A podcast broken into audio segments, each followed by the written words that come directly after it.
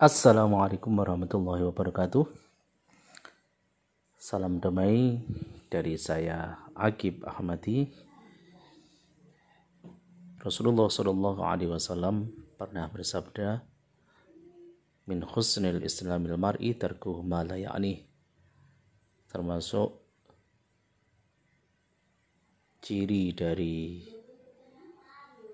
Islamnya seseorang itu baik maka dia meninggalkan hal-hal yang tidak berguna. Perlu kita ikat hal-hal yang tidak berguna di sini, hal-hal yang tidak bermanfaat di sini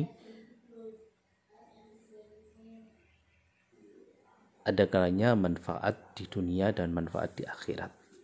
Sehingga apa pun yang tidak ada nilai positif di dunia ataupun di akhirat, maka sudah layaknya kita tinggalkan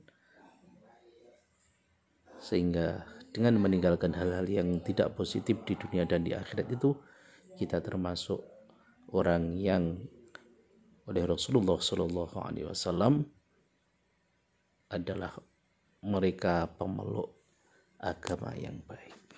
Wassalamualaikum warahmatullahi wabarakatuh.